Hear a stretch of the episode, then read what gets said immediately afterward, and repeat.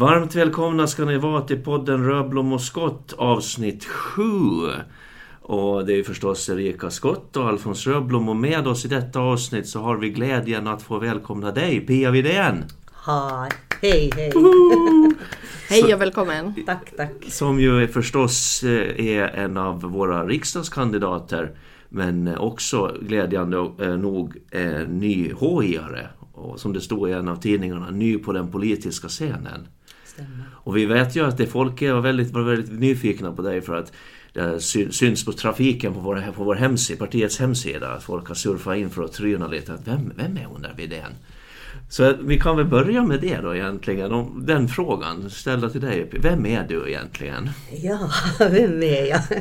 Jag är en helsingforsiska som förälskade mig först i en ålänning och sen i Åland. Mm, har bott här nu i tre och ett halvt år och jag är här för att stanna.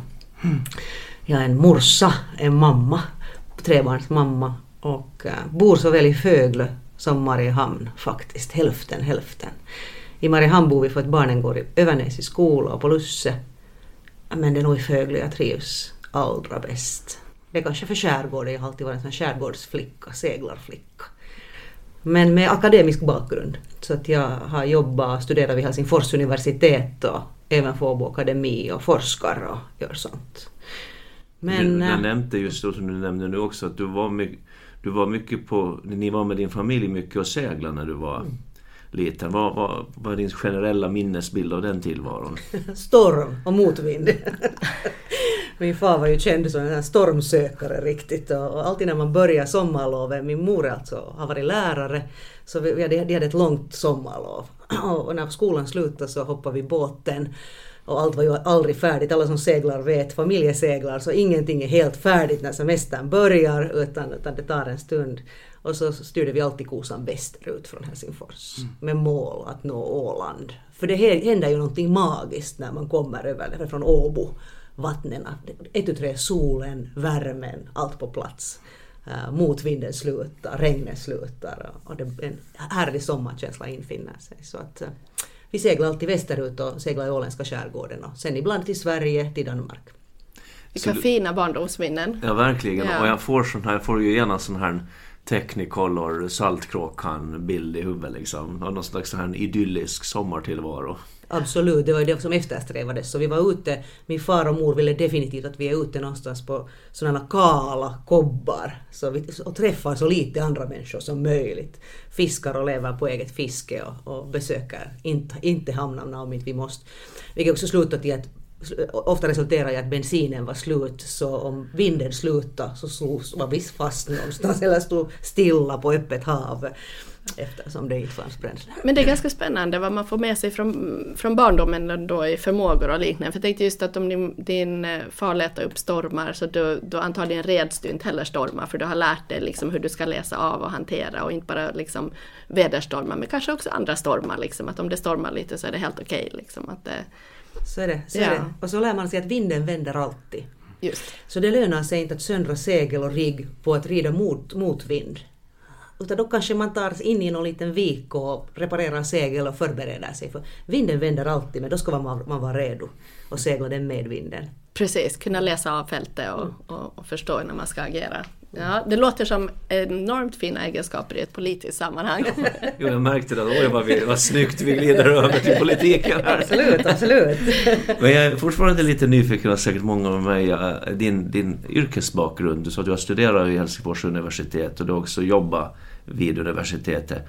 Men om du skulle ge en sån, lite den här CV-bilden som man brukar ge. Absolut. Jag har också varit egen företagare, så, och, och sen, hur ska vi säga, jag har bara hamnat in i företags, egenföretagsvärlden genom att, att jag faktiskt satt på ett café och träffade på en ingenjör som frågade mig, det var första gången vi träffades, frågade mig att borde vi starta ett bolag tillsammans där man gör sådana här kulturtjänster. Och vi satt och talade tre timmar och jag gick hem jag bodde då hos mina föräldrar och sa att vet ni, jag ska grunda ett bolag. Tillsammans med vem? Med en helt okänd ingenjör. Vad snackar du? och så, så började det och, och, därefter så har jag alltid haft, haft något business på gång. Och min far jobbade inom pappersindustrin och många situationers summa var det att jag sen överraskande måste ta över hans eh, vad heter det, verksamhet inom pappersindustrin. Så jag har också upplevt det att samtidigt som jag är akademisk och studerar så ansvarar jag för ingenjörer och montörer på pappersbruk i Sverige eh, inom metall och tungmetallindustri. så att, allt möjligt har man hamnat ut för. Så att, ja, vad roligt, vad roligt. Det är sådär, jag brukar säga att livet består ju alltså, av bananskal men man måste ju välja att, att trampa på bananskalet liksom och sen far det vart det nu far. Mm. Och, och det, det, verkar ju som att du har trampat på dina, dina skal. Mm, och du är ju här till exempel. Ja, jo, så är det. Så beredd på ett helt nytt äventyr. Absolut. Ja, Absolut. ja nej, men det är fantastiskt roligt. Och det här med politiken, du, du har, alltså om jag har förstått det rätt så, du, du, så beskriver du dig som en fundraiser och friendraiser och, då är, och det är ju ett nätverksarbete och på något sätt så kan man väl tycka att det är lite connectat ändå till det politiska värvet. Att man diskuterar med folk och har olika frågor man driver. Men du har inte varit, eller har du varit partipolitiskt aktiv? Nej, det har jag inte varit. Nej. Att, eh, jag egentligen var det som så att jag, jag drog en sån här 7000 medlemmars alumnförening vid Helsingfors universitet. Alltså alla de personer som har studerat vid ett universitet är dess alumner. Så just Helsingfors universitet har på grund av sin natur mycket sådana alumner som är samhälleligt aktiva. Och då har det varit inte heller naturligt att jag är samhälleligt aktiv, att jag tar en politisk roll, utan tvärtom har jag varit den människan som ser till att alla ryms kring samma bord och att vi kan tillsammans diskutera och föra vidare sådana frågor, trots att folk och, och, jag har upplevt att det var hemskt befriande när människor kan lämna också sin politiska roll för en stund och kunna diskutera och lösa mera generella frågor. Så att, att eh, den vägen har det inte varit. Men sen har jag också lärt mig att, att någon måste göra någonting och ska man nå till nya mål så måste man ta nya vägar fram och också flytta på osten som jag brukar säga. Att någon måste flytta på osten för att vi ska få för att skeppet ska vända, för att människor ska bete sig annorlunda. Ett intressant begrepp där med flytta på osten, men kan, vi, kan ju återkomma, vi kan återkomma till det sen när vi pratar lite mer om... En liten cliffhanger. Om, en cliffhanger när vi pratar mer om, om riksdagsvalet här snart. Eh, men återigen välkommen till To the Show. Tack. När vi inleder podden så brukar vi inleda med eh, veckans nyhet. Mm. Eh, och då när vi pratade lite här innan så märkte vi att du har en intressant nyhet som du gärna delar med dig av. Ja, ja vad heter det nu? tänkte jag skulle berätta att, att eh, Hufvudstadsbladet, Hufvudstadsbladet intervjuades den här veckan en sån entreprenör som heter Rune Westergård som nyligen har sålt ett teknikkonsultbolag som heter Citec. Och det intressanta var att han blev intervjuad om, om vad han tänker och, och han har kommit ut med en, en, en ny bok, ett, eller ett, en, en, ett bok som heter Ett jordklot räcker, där han tar lyfter fram hållbarhetsfrågor.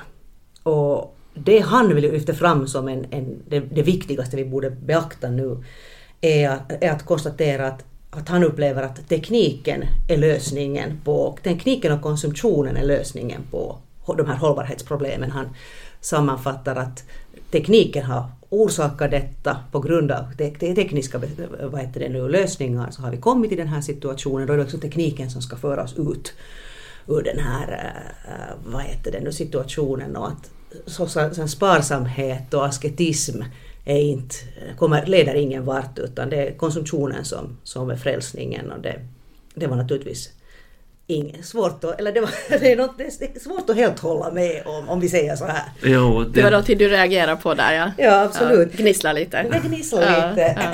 Ja. Trots att han talar mycket bra om cirkulär ekonomi och cirkulär liksom, återanvändning av material och att det är en självklarhet. Det var skönt att höra att han sa att det är en självklarhet i vår moderna värld, nuvarande värld, att allt behöver återanvändas och, och cirkulera. Men ändå är det nu kanske inte bara tekniska lösningar som som hjälper oss här. Nu måste vi göra någonting också. Vad, vad, vad får du för tankar kring det Erika? Det här är jätteintressant alltså. Eh, för att om man konstaterar så här att, att de människor som tror att tekniken kommer att vara lösningen, man, man sitter ju i samma båt ändå. Man, man har ju insett att någonting behöver förändras, någonting behöver göras och, och, och man arbetar ju mot samma mål. Men sen finns det ju, och det märker man när man ser olika grupper i samhället, att det finns ju olika grad av insikt eller olika grad av, av förståelse för de utmaningarna vi faktiskt står inför. Uh, och det råkar sig så att i, igår hade Ålands Natur och Miljö hade en kurs uh, som jag och min kollega Gisela Linde höll och det var en fortsättningskurs i hållbarhet där vi just tog oss an ämnet ekonomi och hållbarhet och det här tangerar ju precis det då, att ska, liksom, vad är det som driver det ohållbara och är det tekniken då i så fall som kommer att lösa det eller och kan vi fortsätta konsumera? Och, och där finns fyra olika scenarios. Nu har jag ritat en grej här som ni i podden inte ser, men bara för de som är närvarande här nu. Och då kan man fortsätta business as usual och då går liksom kurvan rakt uppåt eller så kan man liksom förespråka en kollaps och då, då liksom är det verkligen den där djupa asketismen och hur vi verkligen måste liksom gå tillbaks till 1800-talet, hela den grejen. Men däremellan finns det två liksom um, alternativa scenarier. Och det ena är vad man kallar då för grön ekonomi, som är att, att vi ska fortsätta konsumera men vi ska göra det grönt. Så vi ska fortsätta ha tillväxt men vi ska ha grön tillväxt och så vidare. Och det kände jag igen väldigt mycket från det som du mm. refererar från den här artikeln. Och då säger forskarna då att det här kommer inte heller att räcka. Utan vi måste inse att även om vi inför cirkulär ekonomi eller liksom andra av de här begreppen nu, så finns det ändå, om han säger då att vi ska leva inom planetens gränser, så finns det så pass mycket begränsningar så att vi måste liksom inse begränsningarna. Och vi måste skära ner på resursanvändning på alla möjliga resurser och liknande. Och det liksom är det där fjärde scenariot. Liksom. Och det upplever jag att vi i, i Hållbart initiativ jobbar efter. Att man, man accepterar att det finns vissa begränsningar. Det betyder inte att det blir total kollaps och svårigheter men, men att vi ändå kan ta oss vidare. Det, det där var ju han inne på också, han här när vi ordnade vårt ekonomiseminarium. Han här Sasha, vad heter han? Beslik. Beslik, ja. Så, så uh, han var ju inne på det. Han sa det, och det var, det var flera som, som jag märkte att notera. Det var ju för det första fullsatt seminarium. Så det var många som lockade och tyckte det här var intressant. Mm. Och, och, han nämnde ju det här att det är helt omöjligt att, att alla som kör liksom, bilar eh, ska köra elbilar i framtiden. Att det, det är inte lösningen att vi bara slutar köra fossilt och så. Och så går vi över till elbilar just för att det tar sådana enorma resurser. Och då är ju alternativet till det är ju att hitta alltså mera sådana här gemensamma lösningar på det då, alltså kollektivtrafik och, sånt helt enkelt. Och, gemensamma bilpooler. Och, bilpooler och, och, ja. Och, och, och, och, där har jag tänkt, när det gäller, för det där är ju en utmaning på Åland, folk älskar ju sina bilar. Och jag har ju bott i flera storstäder där jag säkert har gått flera kilometer per dag när jag ska någonstans, för det är helt naturligt i en storstad. Men så här, här i Mariehamn då, så då tar man ju bilen när man ska ner till butiken. Då orkar jag gå eller? Alltså, så att, jag menar, det, vi har det, när man kommer hit till Åland så är det en annan zon när det gäller bilar. Och vi har ju jättemycket bilar. Och men, men då när jag, när jag satt i regeringen och vi diskuterade de här kollektivtrafiken som tack och lov nu är, är, är, har landskapsregeringen tagit över. Och nu kollektivtrafiken för hela Åland och, och det är ju sådana synergier i planering och sånt. Men jag sa det hela tiden att det är viktigt att, att det, det kollektivtrafiken blir, alltså det, att det blir elbussar.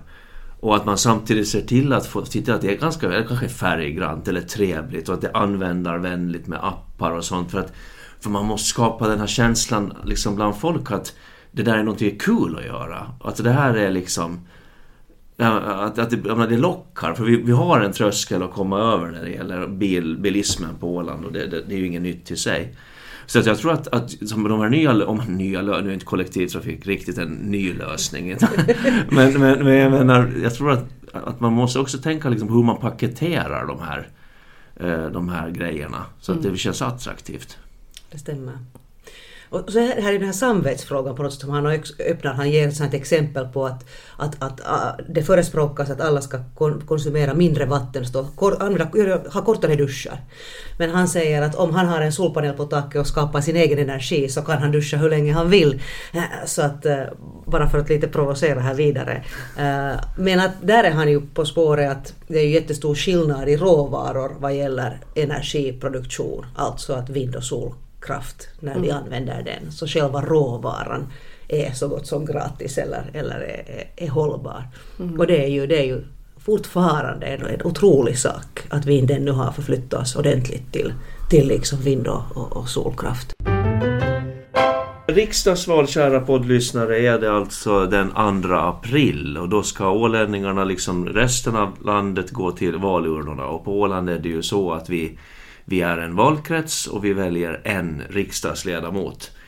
Sittande riksdagsledamoten Mats Löfström är nu inne på sitt andra varv mm. och han ställer upp frånval. Och på den listan så har han uh, Sandra Listerby och Ville Valve. Och det är då ett samarbete mellan Centern, Moderaterna och Liberalerna. Eh, sen eh, vet vi att Socialdemokraterna kommer att komma med sin lista här inom några dagar så den kanske har kommit redan när du lyssnar på den här podden men, men vi, kan, vi vet inte någonting om det ännu och vi vet heller inte eh, klart exakt hur Obunden Samling och Ålands Framtid, vad de har för planer. Jag har hört att Obunden Samling inte kommer att, att ställa upp men det där vet man ju inte förrän man vet det. Eh, och Hållbart initiativ då så gick ju med dunder och brak nyligen ut och presenterade vår eh, maxade lista och vi, man får ha fyra kandidater och vi har fyra kandidater. Det är en jämställd lista och förutom Pia Vidén som vi just hörde och så är det då Erika Skott, och så är det Alfons Röblom och så är det Simon Holmström. Och vi kan väl säga då att, att Simon är tyvärr uh, bortrest över helgen. Jo. Han kunde inte, annars skulle han förstås ha varit med i det här yes. poddavsnittet. Yes. Men vi har säkert anledning att återkomma till, ja. till då får han komma med. Um, och där, där finns ju mycket att, att säga om. Jag, jag, jag vill först nämna att jag tycker vi hade en väldigt lyckad lansering av vår, av vår, vår lista. Vi, vi var på Sjöfartsmuseet stod där uppe på den där bryggan som finns där och vi hade, vi hade ett, ett helt gäng med HI-are som kom för att visa sitt stöd. Och, och stod bakom oss där och, och visade världen och oss då att, att eh, vi är fyra kandidater men vi har ett parti bakom oss och det, det kändes riktigt bra. Och pressen var fulltaligt på plats och jag tycker vi, vi fick bra, bra press och vi, fick, vi hade ju förstås bra budskap också som, som kom ut. Um, men vi kan väl börja där, lite reflektioner. Pia, du som var med, där, var ju, där, kast, där, där hoppar ju du i sjön om man säger så. Absolut. Vad, vad har du för reflektioner? Du, jag tycker jag vill säga direkt att det såg ut som att du aldrig skulle ha gjort något annat när du stod där. Och...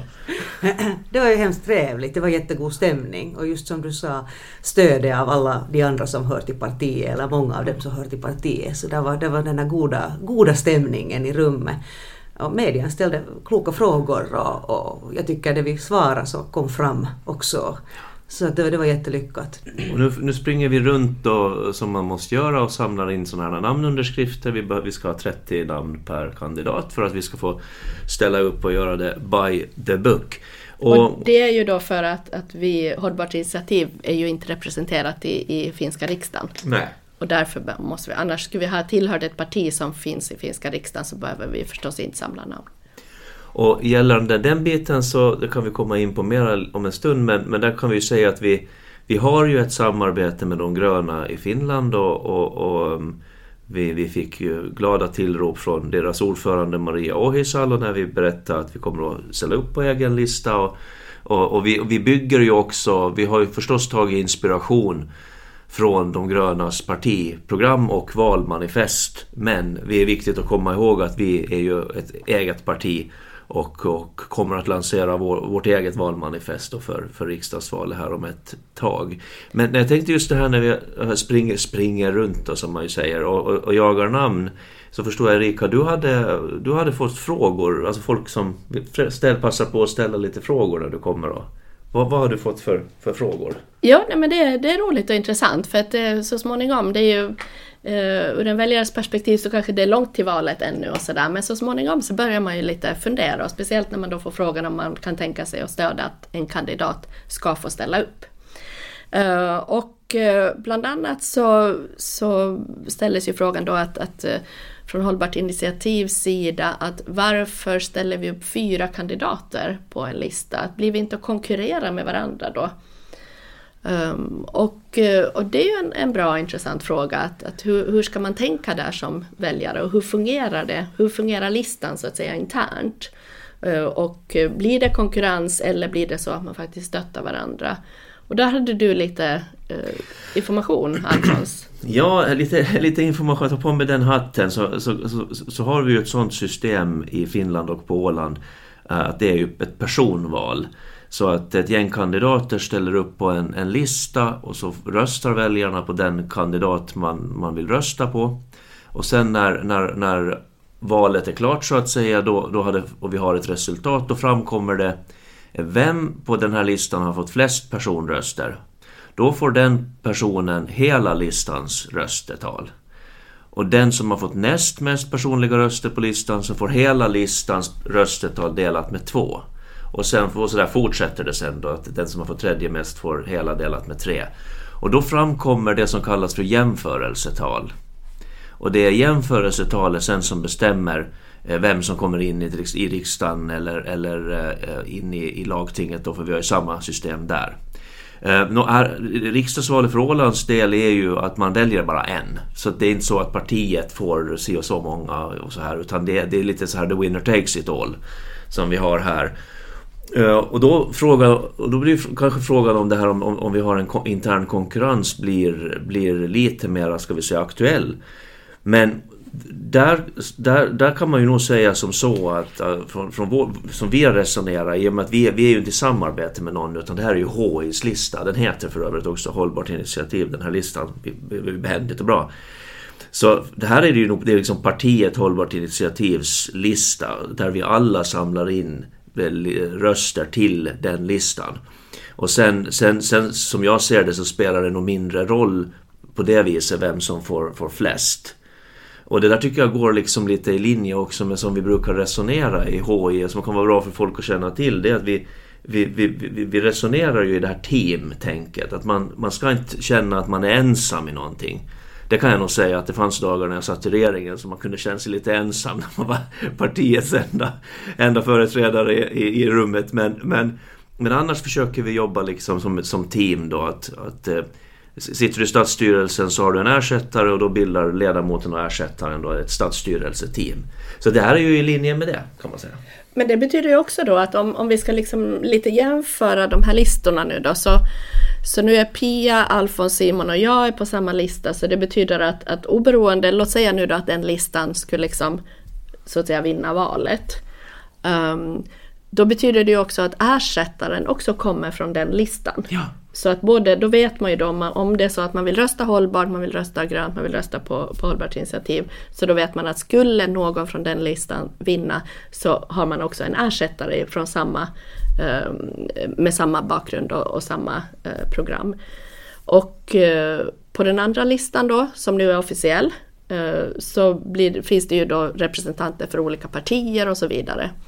Uh, nu ställer de ju ändå upp med, med ett gemensamt program mm. också på den listan. Men det blir ju ändå så att ersättaren kommer liksom från ett annat håll. Jo, absolut. Och, och där tycker jag, om vi nu spekulerar, snillen spekulerar lite, så, så ska vi komma ihåg att det är ju riksdagsval nu, men det är EU-val om ett år. Och Ja, man vet ju aldrig. Alltså, ponera att Mats Löfström ställer upp i EU-valet om ett år och råkar komma in då, vilket skulle vara häftigt historiskt. Första ålänningen som sitter i EU-parlamentet. Så om han skulle komma in i EU-parlamentet om ett år, då spelar det ju plötsligt en jäkla roll vem som är ersättaren. Liksom, för då, blir, då kan det bli byte på den posten. Så att det där De tre resterande åren av, av mandatperioden ja, i riksdagen då? Precis, ja. så att det där är, det spelar roll. Det spelar ja. roll. Men Pia, du har, du har varit aktiv eh, med din lista och, och, vad har du fått för respons nu från eh, människor som du har kontaktat och sådär? Eftersom jag håller det här hemligt så är alltid överraskningen den där första responsen och, men hemskt positiv. Folk är positivt uh, överraskade och säger att rätt parti bra valt Pia rätt parti. Men jag ser att det här Hållbart initiativ är, ett parti bakom vilket liksom de kan ställa sig. Att de här, och det, det avspeglar det att fast många av de personer jag talar med kanske kommer från ett gammalt, ska vi säga, vänster-höger uh, upplägg. Så de här hållbarhetsfrågorna är vår tids frågor. Och de alla berörs av dem. Oberoende är det inom arbetet inom kommunen eller affärsvärlden eller var som helst. Så det är sådana frågor som är så aktuella för oss alla. Och alla kan det här med hållbarhet mycket bättre. Folk kan sustainability. Det är frågor som är hela tiden på deras liksom, agenda. Så vi talar samma språk genast. Och, och de förstod nog i och med att jag, jag har jobbat vid Åbo Akademi här i några år och nu slutar jag med det uppdraget. Och de vet ju att jag sällan ligger stilla. jag kan inte låta bli. att, att hela tiden göra, göra saker, man ska kanske då en egenskap. Så att, att de, de har fått positiv respons. Och, och, och det, det som man märker att folk har reflekterat om den, över det här, så när de närmar sig mig så har de genast påpekanden som att som också kom fram såväl muntligt och, och som också kom i, i samband med Nya Ålands uh, artikel på webben, där fick vi en kommentar. Tack för den. Så uh, att uh, folk önskar att vi ska hålla oss till, eller komma ihåg att hållbarhet är en, mycket en större sak mm. än klimat och miljö. Alltså det in, omfattar klimat och miljö men också många andra aspekter. Så det här, det här är någonting som folk, folk känner för och, och, och naturligtvis kan. Så, så det är jätteintressant. Så det, Vad roligt att det börjar landa också. Mm, liksom, mm, både för dig personligen men, men också att, att eh, man märker också att, att det finns ett levande intresse och, och att att det finns ett engagemang och man känner att men det här är faktiskt som du säger vår tids fråga just nu. Att, Det där är intressant det där med att hållbarhet inte bara är klimat och miljö. Vi har ju suttit, vi har ju sett alltså, utkast till, till formella dokument, också i stadsfullmäktige. Där, man, där det, det, det, framgår tydligt att, att, att det har skett ett missförstånd där. Det är nästan som att man har skrivit, alltså man har bara bytt ord miljö till hållbarhet och så handlar det bara om miljö. Eh, och det där det fick jag igenom i stadsfullmäktige faktiskt att vi ändrade skrev, någon skrivning, jag kommer inte ihåg i vilket dokument det var, just bara för att understryka att, att eh, om det handlar om miljö, skriv miljö då. Att, att man inte börjar blanda med de här begreppen. Så det, det, det är häftigt. Eh, nej men vad, vad, vad kul att, att, det har blivit, att det var sån positiv respons i så rätt parti. Det, det känns ju kul att, att det har varit responsen.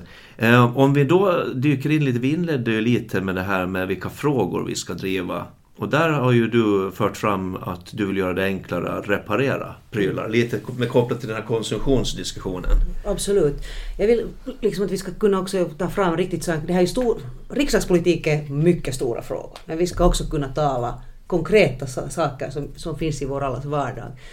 Och där har jag funderat, funderat mycket på den här möjligheten till en momssänkning vad, vad gäller reparationstjänster. Uh, där finns naturligtvis en, det där problemet att momsen är ju till sin natur en enorm skatteintäkt till staten och den, till sin natur så är den ju traditionellt sådan att den, den är jämlik mot alla och, och, alltid densamma för alla. Men man har ju gjort betydande uh, vad heter det nu, variationer i den i undantag för restaurangbranschen och för, för kulturbranschen och så vidare. Och det har ju länge varit, varit uh, eh, på agendan att också det hållbara val skulle kunna vara inom ramen av det här. Och där tänker jag att, att det här är, en, är någonting så konkret och gäller, och är också aktuellt för många, många åländska personer. Inte bara de som har bolag eller verksamhet och reparerar saker, utan för alla oss konsumenter. För att det finns inget mer frustrerande än att när din pryl eller grej går sönder, cykeln går sönder, sönder och så inser du att det blir dyrare att reparera än att, äh, att det blir dyrare att, att, att, att reparera än att köpa nytt.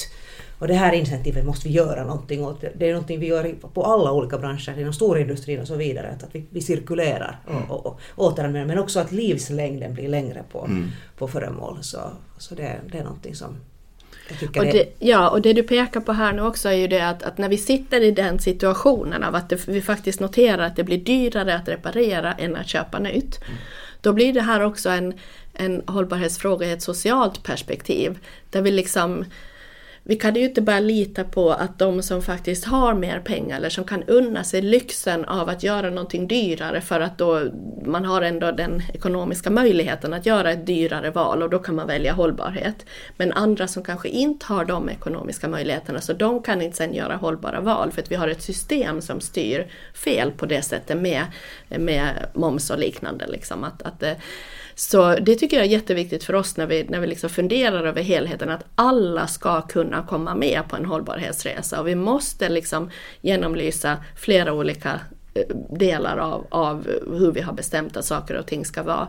Så att, att vi faktiskt ger möjlighet för så många som möjligt att komma med. För vi behöver ju liksom att många kan välja den, den lösningen om att reparera. Det ska inte bara vara en, en lyxfråga att om vi kan välja det eller inte.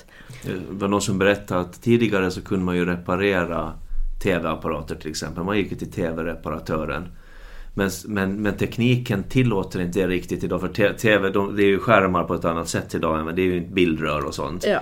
men, men, men, det som, men det som var någon som berättade att i, i något mellanskede där när det gick då från bildrör och grejer till de här nya då, då, då var det så att folk förde sina TV-apparater till TV-reparatören Och när reparatören öppnade så såg han att tillverkaren hade ju liksom skummat in, alltså sprutat in skum i den där TVn. Så att det inte skulle gå att reparera. Mm. Och jag, tror, jag vågar påstå att det här är just som du nämner Pia, det är en aktuell fråga för många ålänningar. Därför att det här tror jag, jag tror att det är duktigt många ålänningar som blir riktigt arga på det där alltså. Så är det. det är en riktig irritation. Jag har ju också tre barn och det, jag har många mobiler i, i familjen.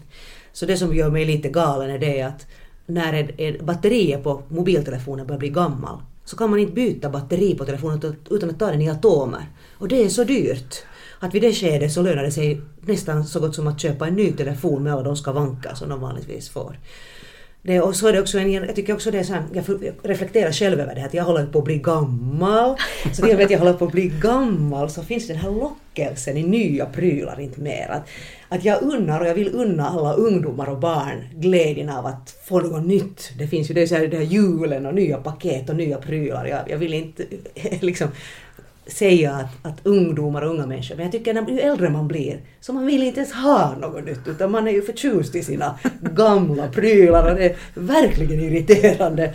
Eh, för man, om motorn på båten går sönder, för den är ju tänkt så att den passar in i hela det här systemet och det är en motor som man har köpt då för länge sedan. Lärt känna. Lärt känna, man vet allting om det.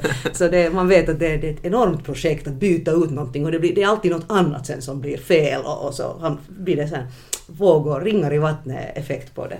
Att, men det där tror jag det är en jättebra fråga och, och, vi kommer också att återkomma som sagt till vårt malmanifest med den här frågan och flera.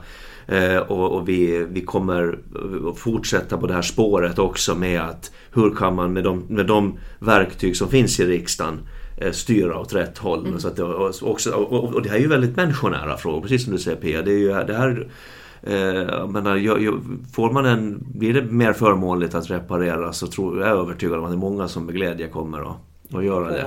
Det skulle kännas så intuitivt ja. liksom skönt. Ja. Och för väldigt många, oberoende vad man tycker sen om hållbarhet eller hur man engagerar Men som du säger, kunna ta hand om sina saker. Det. Det, ja. Och så är vi tillbaka igen att, att, små lokala saker är stora saker också. Att, att EU-parlamentet gav ju en rekommendation 2016 om att man skulle använda just momsen som ett verktyg för det här. Uh, och samtidigt är ju kanske momsen det här skatteslaget som inom EU är det mest harmoniska, liksom jäm, jämna för alla.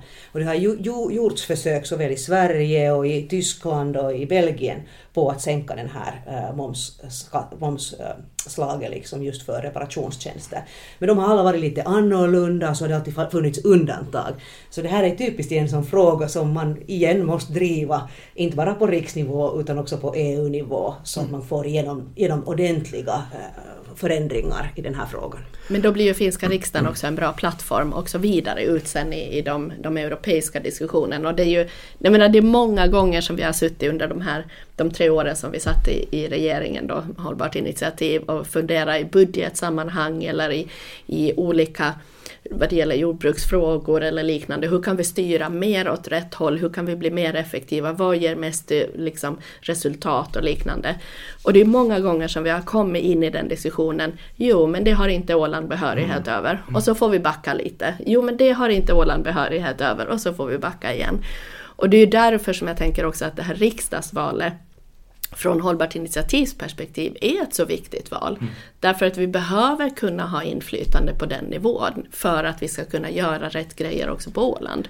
Och där, och där, där väljer jag att, att hoppa lite på det här spåret med just samarbete med de gröna. Som vi nu har förbättrat, som, som vi nu fördjupar och, och, och som vi är som sagt väldigt glada att vi ställer upp på egen lista i samarbete med dem. Och och, och, där är ju en av grejerna vi har, har, har liksom offentliggjort också att skulle en HI-are eh, bli riksdagsledamot så kommer vi att gå med i, i, i den gröna riksdagsgruppen. Och, och, och, så att just där du nämner med inflytande över de här frågorna så det är ju klart att engagerar man sig som vi gör nu och, och vi får det här samarbetet ytterligare fördjupat så det är klart att vi vi, det kan vi ju fortsätta använda oss av även fast vi inte ska komma in i riksdagen den här gången. Så kan de kanalerna och, och, det, överhuvudtaget i den gröna familjen är det ju så att vi delar mycket tankar och idéer därför att vi identifierar någorlunda samma utmaningar. Och, och, och, en av de som har varit aktuella den här senaste perioden så är ju självstyrelselagsrevisionen. Och, och där så har Hållbart initiativ vi har tagit en sån ståndpunkt där att om vi nu kan konstatera att det, här, det strandade, det, det, det gick inte igenom. Eh, men då tror, tror jag i alla fall att det vore viktigt att oftare ställa sig frågan, när, om, när man nu gör ett omtag på det där då och försöker få till en revision. Så ställ frågan, vad ska vi ha om vi ska ta över en behörighet? Varför ska vi ta över den här behörigheten? Vill vi ta över behörigheten till exempel på någon, något skatteinstrument så kan vi motivera det då med att jo, vi vill göra det enklare att reparera. Alltså, jag säger inte att vi ska, den, den ska vi inte ta över men, men att om man, om, man kan, om man kan motivera vad vill vi göra med det här verktyget? Varför Åland behöver Varför det. Varför ska Åland Ja. ta över det här verktyget? Då blir det lättare tror jag att föra de här diskussionerna. Mm. Istället för att bara sitta och säga vi ska ta över för att vi, vi, vi vill ha det bara för att vi ska ha det. Eh, jag tror att i dagens värld och med dagens politiker i Finland så är det nog lättare om man kan motivera det. Och där är jag övertygad om att de gröna är väldigt bra samarbetspartner därför att traditionellt sett så har gröna partier en ganska stor vikt vid, vid, vid folkrättsfrågor, vid demokratilösningar och, vid, och deltagar, att alla ska ha möjlighet att delta och sådär. Så jag tror att vi kan föra liksom, Ålands frågor upp på tapeten i Finland på ett annat sätt. Kanske just därför att det, det, det är en del av ideologin i det gröna. Liksom. Mm. Uh, och, så det, det, där tror jag vi har inlett en ganska spännande resa. Vi har ju redan fått in text i deras partiprogram och de gröna ministrarna har varit hit. Uh, och, och, och, vi har bra kontakt med dem. Så att, uh, nej, jag tror att vi, vi, vi, vi är på en, en, en vinnande väg här. Det känns riktigt spännande, ja. ja. Jag har ju många i riket som då ställer upp på de grönas listor som naturligtvis också har reagerat på att jag ställer upp nu. Och det är roligt att, att igen kunna återkoppla till samstämma, sam, samstämda personer. Vi går vidare till eh, det här poddavsnittets eh, sista segment, det som vi brukar kalla Vad har fasnat? Eh, och för Pia och nytillkomna lyssnare så kan vi förklara det som så att det är någonting som vi har sett eller hört den senaste tiden som vi inte har kunnat släppa ur huvudet riktigt. Så om jag börjar med dig då Erika, vad, vad är det som har fastnat? Ja, och det här tror jag har fastnat hos alla ålänningar. Det, ja, hela Europa har ju ögonen på det här och det är just det, den eh, eh, otroligt stora och hemska jordbävningen i Turkiet och Syrien. Mm. Och hur de här dödssiffrorna och den här vidden av den här katastrofen liksom gradvis, den bilden har börjat växa fram gradvis mer och mer. Um, och, och, det är ju svårt förstås att, att kunna lämna och, och vad det sen kommer att få hur vi ska kunna hjälpa tillräckligt och hur vi kan stötta Turkiet nu oberoende liksom ja, vad, vad de kan ha för interna utmaningar och, och, och så vidare som har framkommit också i, i, i det här eftermälet. Men, men det är ju förstås en otroligt, känns som ett, ett väldigt viktigt fokus just nu. Så, Ja. parallellt med förstås Ukraina men, men att just nu är det det här som, Ja. som stiger fram. Alltså man, man, jag, tror, jag tänkte på det här om dagen att det är nog svårt att, att förstå, eller det är, går inte att riktigt förstå tror jag när man ligger på sin soffa här på, på Torggatan och har det riktigt, riktigt bra.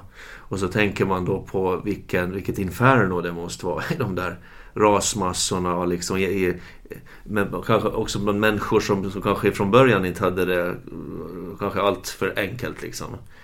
Att, att vilka, vilka vilken, vilken skräck, sorg och skräck det, det måste figurera. Det liksom närmar ju sig Ålands befolkning, antalet människor där Ja, som har, som har dött och antalet sen skadade eller personer som måste börja, börja ett helt nytt liv. Alltså, Mm. Huset är förstört, Mm. stället där man arbetar är förstört.